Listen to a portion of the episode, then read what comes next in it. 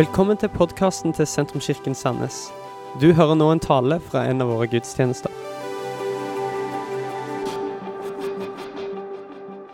Kjekt å se alle sammen. Kan vi gi en applaus til bandet? De er helt sykt bra. Åh. Av og til tenker jeg at hvis jeg hadde vært litt mer musikalsk, at jeg bare skulle hatt liksom musikk rundt meg hele tida. Så bare livet mitt ble som bare sånn Altså, Da føler jeg bare jeg hadde gått gjennom livet. liksom sånn. Anyways. Mitt navn er Marie, for de som ikke kjenner meg. Som Kenneth sa, er jeg forsamlingspastor med min mann i Sentrumskirka Stavanger, vår forsamling der. Men jeg syns det er så kjekt å få være i Sandnes i dag. Tilbake til moderkirka. Til the source. Har dere bra? Ja? God søndag? Så bra. Vi er i en kjempespennende serie akkurat nå som heter 'I begynnelsen var ordet'. I begynnelsen var ordet. Sist søndag, i dag og neste søndag så setter vi fokus på Guds ord. Og Jeg vet ikke om du noen gang har vært i kirka og hørt folk si I Bibelen står det at Skriften forteller oss at Jeg leser i Bibelen, og der står det at Men hva mener vi egentlig når vi sier det? Og er det egentlig sånn at når folk hører det, at de tenker å ja, fordi det står i Bibelen, da, da er det sant? Fordi det står i Bibelen, da står det fast, da kan jeg stole på det. Bibelen har ikke samme status hvis man kan si det sånn, som det hadde i vårt land for 100 år siden. Til og med ikke for 50 år siden. Bibelen i vårt samfunn er under enorm kritikk ofte. Den ble utsatt for enorm bank. Folk ser på Bibelen med kritikk. De ser på Bibelen og vi er kanskje litt um, Hva skal jeg si Skepsis. Mistenksomhet. Ser på Bibelen med kritiske øyne. Bibelen har fått et dårlig rykte, kanskje, i vårt samfunn. Og Det har ført at folks syn på Bibelen, folks holdning til Bibelens autoritet, har blitt svekka. Og det vi ønsker å gjøre gjennom denne serien, vi ønsker å løfte fram Bibelen. Vi ønsker å løfte fram Bibelen som autoritet. Vi ønsker å løfte fram verdien på Bibelen og sette den der vi tenker den hører hjemme. Som Guds levende ord til oss. Som står fast, som ord vi kan tro på, ord vi kan stå på, ord vi kan stole på. Så hva betyr denne boken for oss som ønsker å følge Jesus hele livet? Kanskje er du her inne i dag og du tror ikke så mye. Som Kenneth sa, er dette en åpen gudstjeneste. Alle våre møter er åpne. Vi ønsker å invitere alle som ønsker å ja, se hva kirka er, og ønsker folk velkommen inn. Så kanskje du er her i dag og du tror ikke så mye. Og kanskje du tenker at ja, den boken den er ikke så interessant for meg. Jeg vet ikke helt hva jeg tenker om den boken, og ah, jeg synes ikke den er, vet ikke om den er så interessant for mitt liv. Jeg tror at etter i dag, til og med for deg, kommer denne boken til å bli litt interessant. For denne boken er ikke som alle andre bøker. Det er ikke som en bok man bare har i bokhylla. Det er ikke den boken vi finner i skuffen når man går på et hotellrom. Men denne boken er en helt spesiell bok. Det er en levende bok. Det er Guds ord til oss. Jeg var ganske ung når jeg ble introdusert for Bibelen. Jeg vokste opp i en kristen familie. og Hele oppveksten egentlig var jeg rundt Bibelen. Jeg hadde spesielt en mor som eldste Guds ord og verdsatte det. Så når jeg kom hjem fra skolen Om det er noen som kan gi meg et glass vann eller sånt Eller den ballen må du bare skru av. Takk. Um, når jeg kom hjem fra skolen, eller hvis jeg våkna tidlig en um, lørdagsmorgen, så fant jeg ofte min mor i stua med sin røde skinnbibel oppe, kaffe i hånda, og hun leste Bibelen. Og jeg forsto ganske tidlig at den boken den er viktig for mamma. Den boken den forteller noe om Gud, og den forteller historier. Men, men det var kanskje det. Men jeg hadde òg en storebror. Eller jeg har en storebror. Shit, hva som skjer med Kjetil? Storebror heter Kjetil. Jeg har en storebror og han er elleve år eldre enn meg. Og når jeg var liten, så var han mitt store idol. Han var min superhelt. Altså, han var min Brad Pitt. Altså, han var min Rambo. Han var alle Backstreet Boys i ett. Det var min bror for meg. Noen andre som vant musikk på 90-tallet? Liksom, Take me back? En person. OK. Uh, nice. Ok, Da skal vi ikke snakke om det. Uh, men Kjetil, min storebror, han var mitt store idol. Og jeg, jeg bare elsket å være med min storebror. Og jeg vil si at jeg hadde den litt rundt lillefingeren. Jeg hørte med min mamma om dette. Da er det sant, eller er det bare jeg som tror at jeg hadde han litt rundt lillefingeren? Hun sa nei, nei, det, det er helt sant. Så liksom, Uansett hva Kjetil holdt på med, han var travel med skole eller trening eller fotball, så kunne jeg liksom alltid springe til Kjetil og si å, skal vi leke, skal vi være sammen? Og så visste jeg alltid at han kom til å leke med meg. Til hvis jeg banket på rommet liksom, jeg sa, hei, Kjetil, skal vi leke sammen? Så var det sånn, nei, Marie, jeg holder på å gjøre lekser, holder på å lese eksamen. Jeg kan ikke. Og så visste jeg at ah, det går to minutter, og så kommer han ut, og så sitter jeg der og venter på han, og så går vi og leker. Det skjedde alltid. Men det var én ting min bror gjorde som alltid så ut til å være viktigere enn meg. Det var én ting han holdt på med som jeg aldri klarte liksom, å på en måte liksom, få, han, få han vekk ifra det. Uansett hvor søt jeg gjorde meg, uansett hvor mye jeg blinkte med øynene, så klarte jeg aldri å få han til å gi det opp. Skjønner, Han gikk inn i lillestua, som jeg kalte det. Det var hans stua. Den var litt mindre enn den store stua. Derfor kalte man lillestua. Um, der gikk han inn, og der lukket han døra. Han låste døra, og på stuedøra så var det en glassvindu. Og Der hengte han et teppe over, for der skulle han være var sånn, hva er holder på med i stua? Hva, liksom, hva gjør du der inne? Sant? Jeg var så nysgjerrig, fikk aldri komme inn. Og han hengte opp teppet. Her skal jeg være alene. Um, men det jeg gjorde Jeg pleide å snike meg ut i hagen. Jeg vet faktisk ikke om han vet dette. Men jeg pleide å snike meg ut i hagen, rundt hagen. Sant? Så pleide jeg å kikke inn vinduet. Hva er det han holder på med? I lille stua, liksom. Når han skal være alene. Hva holder han på med der? Og der så jeg, jo, der satt min bror med Bibelen i hånda og leste Guds ord. Han skulle bruke tid med Gud. Og jeg ble helt fascinert. Hva er det med den boka som er så sykt interessant? Hva er det med den boka? Hva er det med den? Og hva er det med den boken? Hva er det med den boken som er så fascinerende? Hva er det med den boken at folk leser den? Til og med når de har lest den en gang, så leser de den igjen og igjen og igjen. Hva er det med den boken som har gjort at folk risikerer livene sine for å få tak i den? Hva er det med den boken av Gideon International fra 2002 til 2015 på mindre enn 14 år ga ut 1 billion gratiskopier av den boken? det er helt sykt! Hva er det med den boken som er så fascinerende? Hva er det med den boken at folk og folkeslag rettleder sitt liv etter den? Jeg tror at det er Guds ord til oss. Jeg tror det er en levende bok. En bok som forteller oss Guds store fortelling og leder oss til Jesus. Per Eivind snakket sist uke om at Gud forholder, oss, eh, forholder seg til oss gjennom sitt ord. Gud taler til oss gjennom sitt ord. Så vår da måte å forholde oss til denne boken Hvordan vi forholder oss til den boken, forteller òg noe om hvordan vi forholder oss til Gud. Og vi vet at det er forskjellige syn på Bibelen. Det er mange forskjellige bibelsyn. Og vårt mål med denne serien det er ikke å prenge på deg vårt bibelsyn. Men jeg ønsker kanskje å utfordre deg til å tenke gjennom ja, hvordan ser jeg på Bibelen. Hva øyne ser jeg Bibelen på? Hvordan leser jeg denne boken? For det synet som du ser Bibelen på, det avgjør hva slags betydning han har for deg. Alle har et bibelsyn. Som, til og med de som ikke tror det eller vet det. Alle har et bibelsyn. Bibelsynet vårt er på en måte de brillene vi ser Bibelen på. Og det avgjør hva vi gjør med det vi leser. Jeg vil utfordre deg til å tenke igjennom hvordan ser jeg på denne boken. Hvordan ser jeg på denne boken?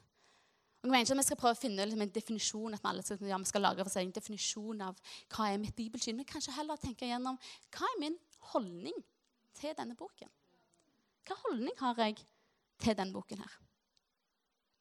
Jesus han sa sjøl i Bibelen, i Matteus kapittel 5 og vers 17, så sa han Tro ikke at jeg er kommet for å oppheve loven eller profetene. Jeg er ikke kommet for å oppheve, men for å oppfylle. Sannelig, sier jeg dere, for himmelen og jorden forgår, skal ikke den minste bokstav eller en eneste prikk i loven forgå, før alt er skjedd.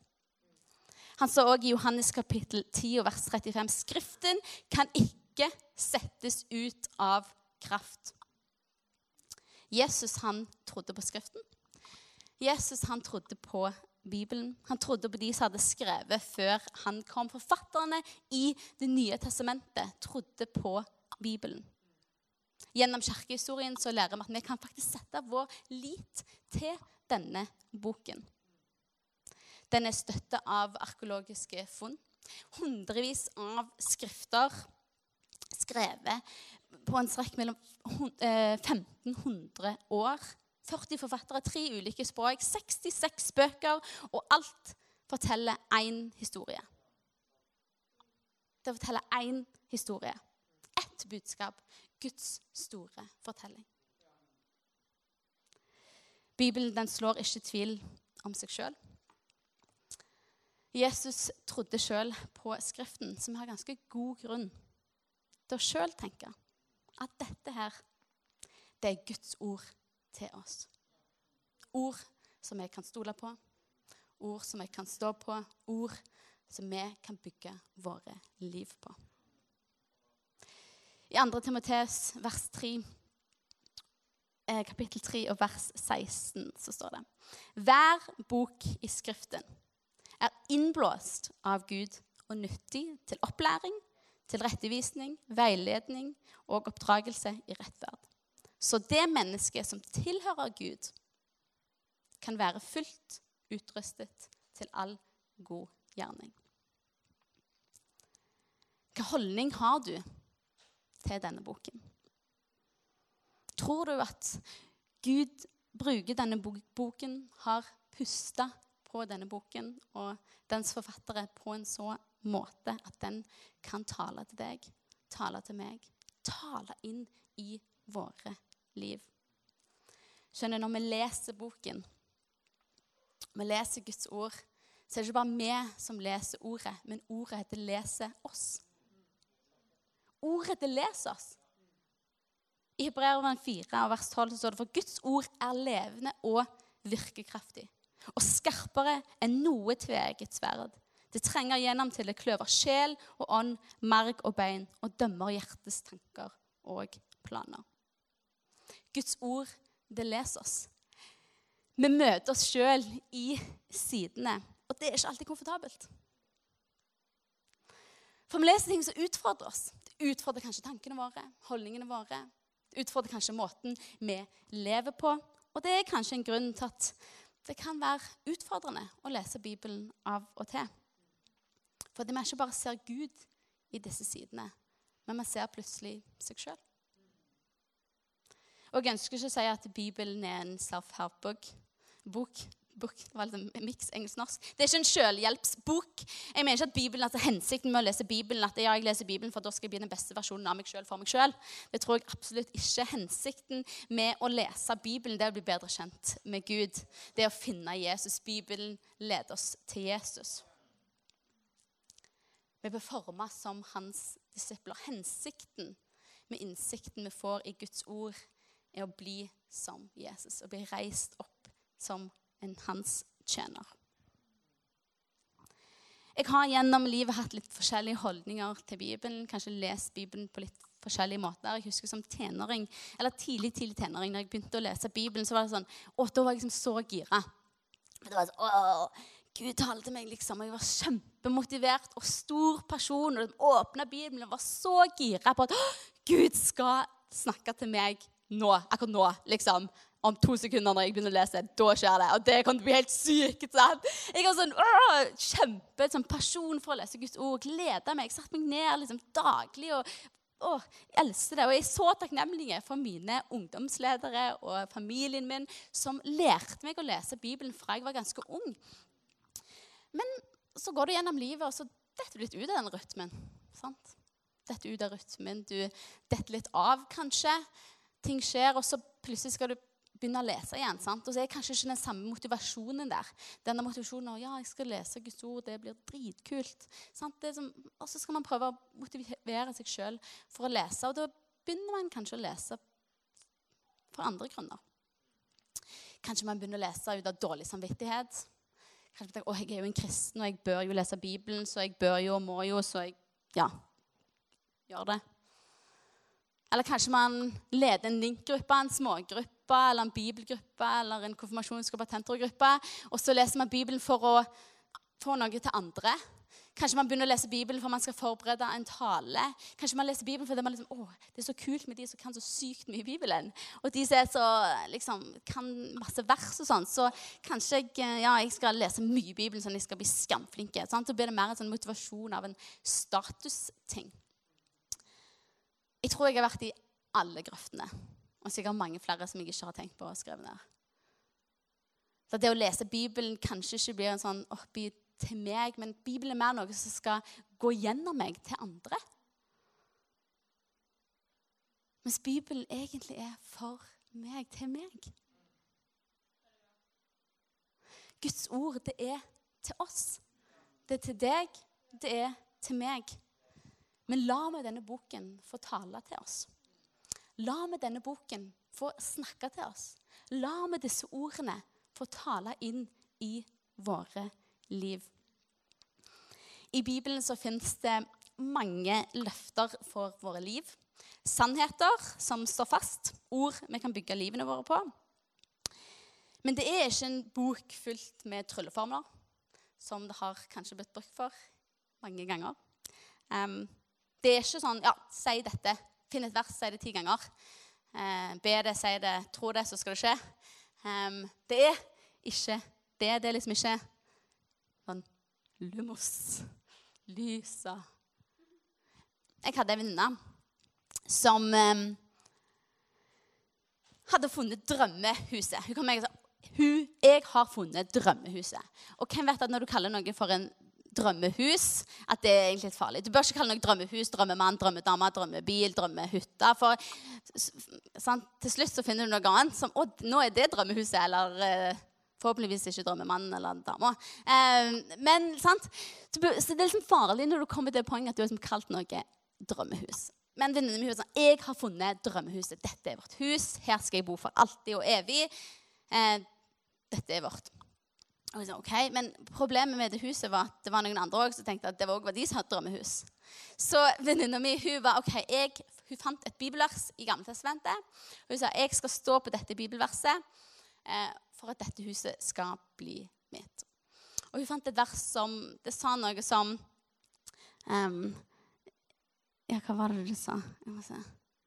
Det sa noe sånn Ja, jeg skal sende ut dine fiender fra ditt hjem. Det hadde hun funnet i Gammeltestamentet. Og det var sånn, ja, det skal jeg stå på. Og hun sa jeg skal be at Gud skal sende fiendene. Og det var jo de andre som var interessert i huset. De var blitt fiendene nå. De skal sende dem ut av ditt hjem. Og hun liksom, ja, det skal jeg, liksom, dette skal jeg stå på. Og liksom be om det. Og så um, gikk det ikke veldig lang tid, så ble det huset solgt til noen andre. Så da fant vi ut ok, kanskje hun hadde brukt Bibelen Måtte kanskje innrømme at kanskje hun hadde brukt Bibelen på feil måte. Bibelen, den er for oss. Det er for deg. Det er for meg. Det er ord vi kan stole på, ord vi kan stå på, ord vi kan bygge livene våre på. Men vi kan ikke bare bruke den og manipulere den sånn som vi vil. Guds ord, det vil gjøre det som det har blitt sendt til å gjøre. I Isaiah 55, vers 10-11, så står det For lik regn og snø som faller fra himmelen, og ikke vender tilbake dit før de har vannet jorden, gjort den fruktbar og fått den til å spire, gitt såkorn til den som skal så, og brød til den som skal spise. Slik er mitt ord som går ut av min munn. Det vender ikke tomt tilbake til meg, men gjør det jeg vil og fullfører det jeg har sendt det til. Guds ord det, var, det kommer aldri tilbake tomt. Det gjør det Gud vil, og det han har sendt det for å gjøre. I Gud, i Hans ord, så finner vi seier. Seier over synd, over sykdom, over sorg, utilstrekkelighet, håpløshet, ensomhet. Men ikke med at vi finner en setning, tar et ord og sier det om igjen og om igjen, og om igjen, og henger det opp på veggen og har det en bakgrunn på mobilen. Men gjennom at Guds ord får komme inn i våre liv, inn i våre hjerter, og forandre oss fra innsiden. Hva er kraften i Guds ord? Kraften i Guds ord er at det leder oss til Jesus. Kraften i Guds ord er at vi får bli kjent med Gud. Vi får bli kjent med oss sjøl. Vi får bli kjent med den verden vi lever i. Og så får vi sjøl tråkke inn i den store fortellingen. I Guds store fortelling. Og få bli en del av noe som er så mye større enn oss sjøl.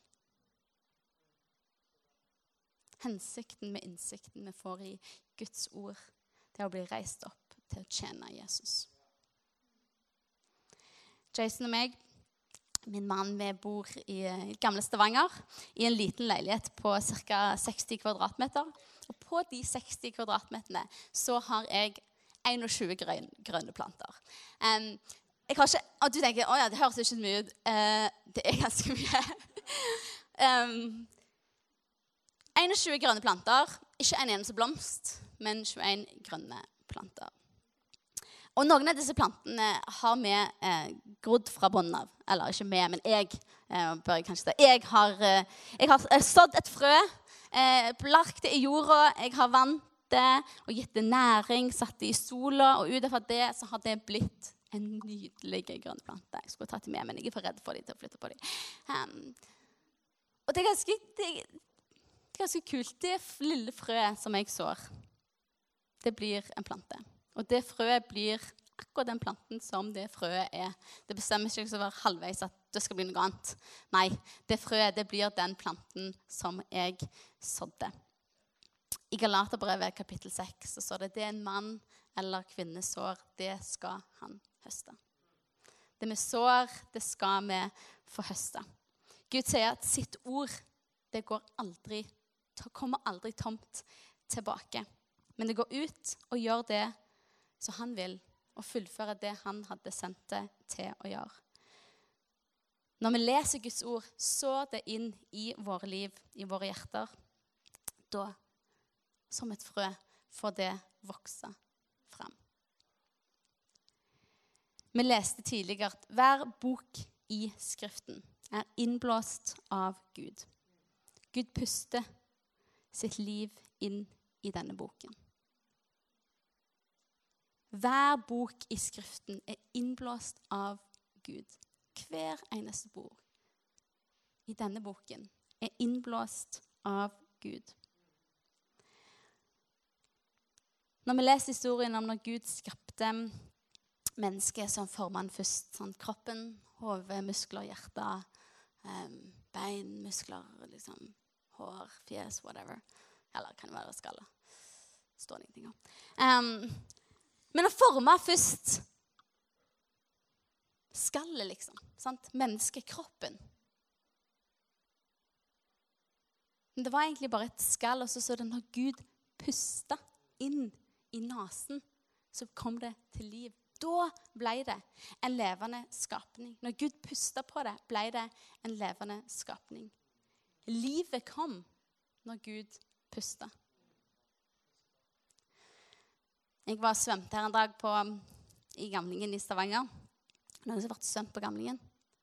Ja? ja, Oi, mange. Det var første gangen min der. Jeg pleide å gå på den gamle, men så var jeg litt sånn de river ned den gamle, jeg skal ikke gå på den nye. det er ikke... Nei da, jeg bare tuller. Jeg tenker ikke sånn heller. Men jeg, eh, jeg gikk iallfall svømte her en dag, og det var helt fantastisk. For, for en måte å trene på. Men òg fy søren så trøtt man blir. Og det er jo kjempefarlig å bli drittrøtt når du er ute i vannet. Du er jo drukna. Men jeg var i fall og svømte på Gamlingen, og jeg ble helt fascinert av å se på folk som virkelig var flinke å svømme. Jeg vil si at okay, jeg har en OK svømmeteknikk, men jeg er, liksom, jeg er ikke der oppe. Og det å se på folk som virkelig er flinke å svømme, det er fascinerende. De har en helt spesiell måte liksom, de puster på. Sant? Jeg er liksom sånn Nei, det var feil. Sånn. Altså gjør litt sånn. sånn. Må tenke meg om. Men folk som er liksom sykt flinke, de, som, de puster inn sånn det er helt sinnssykt. Jeg ble helt fascinert av å se på måten folk puster på. For det er veldig viktig å ha god pusteteknikk hvis du skal være flink og svømme. Det er kjempeviktig. Eneste var da at Jeg ble så fascinert av å se på de som var så flinke å puste, at jeg glemte å puste sjøl. Så jeg var jo nesten den 30-åringen som drukna i barnebassenget på gamlingen. Fordi jeg glemte å puste. Men det er så viktig å puste. Husk å puste, folkens. Det er livets hemmelighet.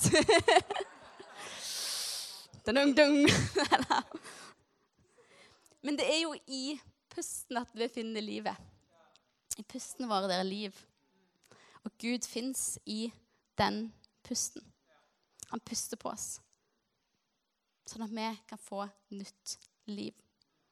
Og han puster på dette ordet. Han har pusta på dette ordet, sånn at det kan bli liv i våre liv. Bandet dere kan komme opp igjen.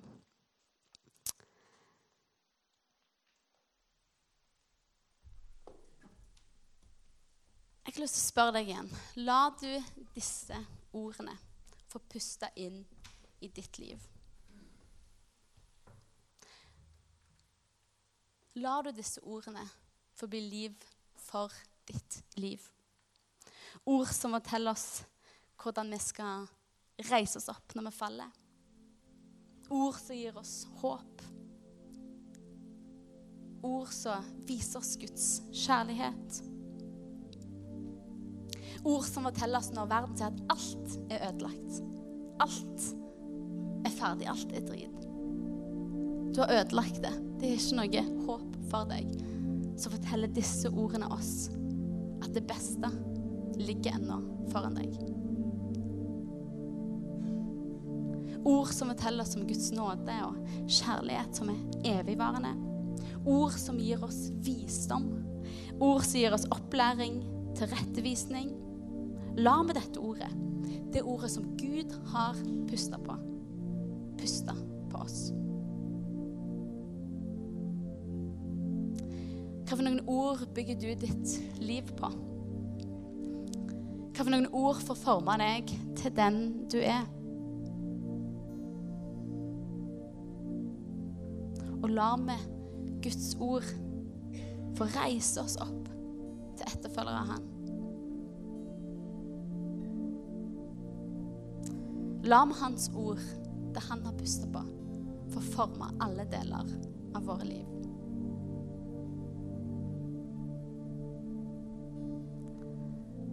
La meg spørre deg igjen, hvordan ser du på denne boken?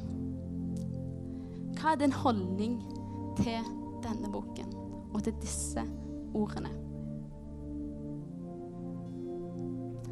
Og er du kanskje åpen for at Gud sjøl ønsker å tale til deg gjennom sitt ord? Utruste deg og forme deg til et liv sammen med Han. Er du åpen for at Han ønsker å puste på ditt liv gjennom Hans ord? Målet med denne serien har aldri vært å gi noen en skyldfølelse. At man må lese mer Bibelen. Målet har aldri vært å nå skal du gå hjem, les Bibelen hver dag. Da blir alt bra. Men målet vårt med denne serien det er å løfte opp denne boken og verdien av den boken. Løfte opp dens autoritet og kanskje vekke en liten interesse i deg. En liten sult i deg. For tenk om jeg kunne vært ei kirke. Tenk om jeg kunne vært et folk som lot Guds ord få puste over oss.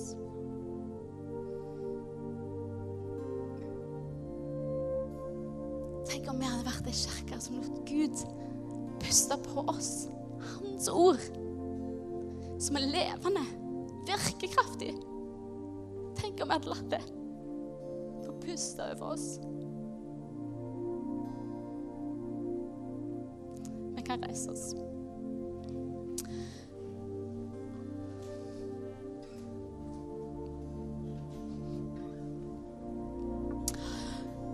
Vi takker deg for din utrolige kjærlighet for oss.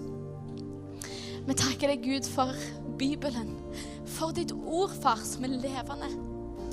Og vi takker deg for at du har pusta på ditt ord, at du ønsker å puste på oss. Takk for at vi, vanlige folk, vi får lese ditt ord, og så puster du på oss. Du kommer med liv til oss. Takk Gud at når vi leser ditt ord, så er det som frø planta i våre hjerter, som får vokse fram.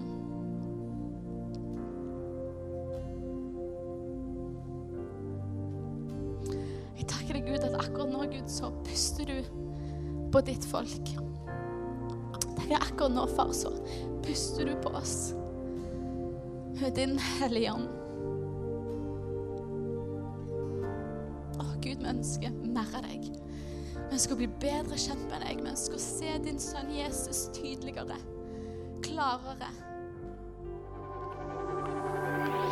Dette var slutten på denne talen. Håper du har blitt inspirert. Om du har lyst til å vite mer om hvem vi er, eller hva vi gjør, eller har lyst til å høre flere podkaster, så kan du besøke vår nettside sentrums.no.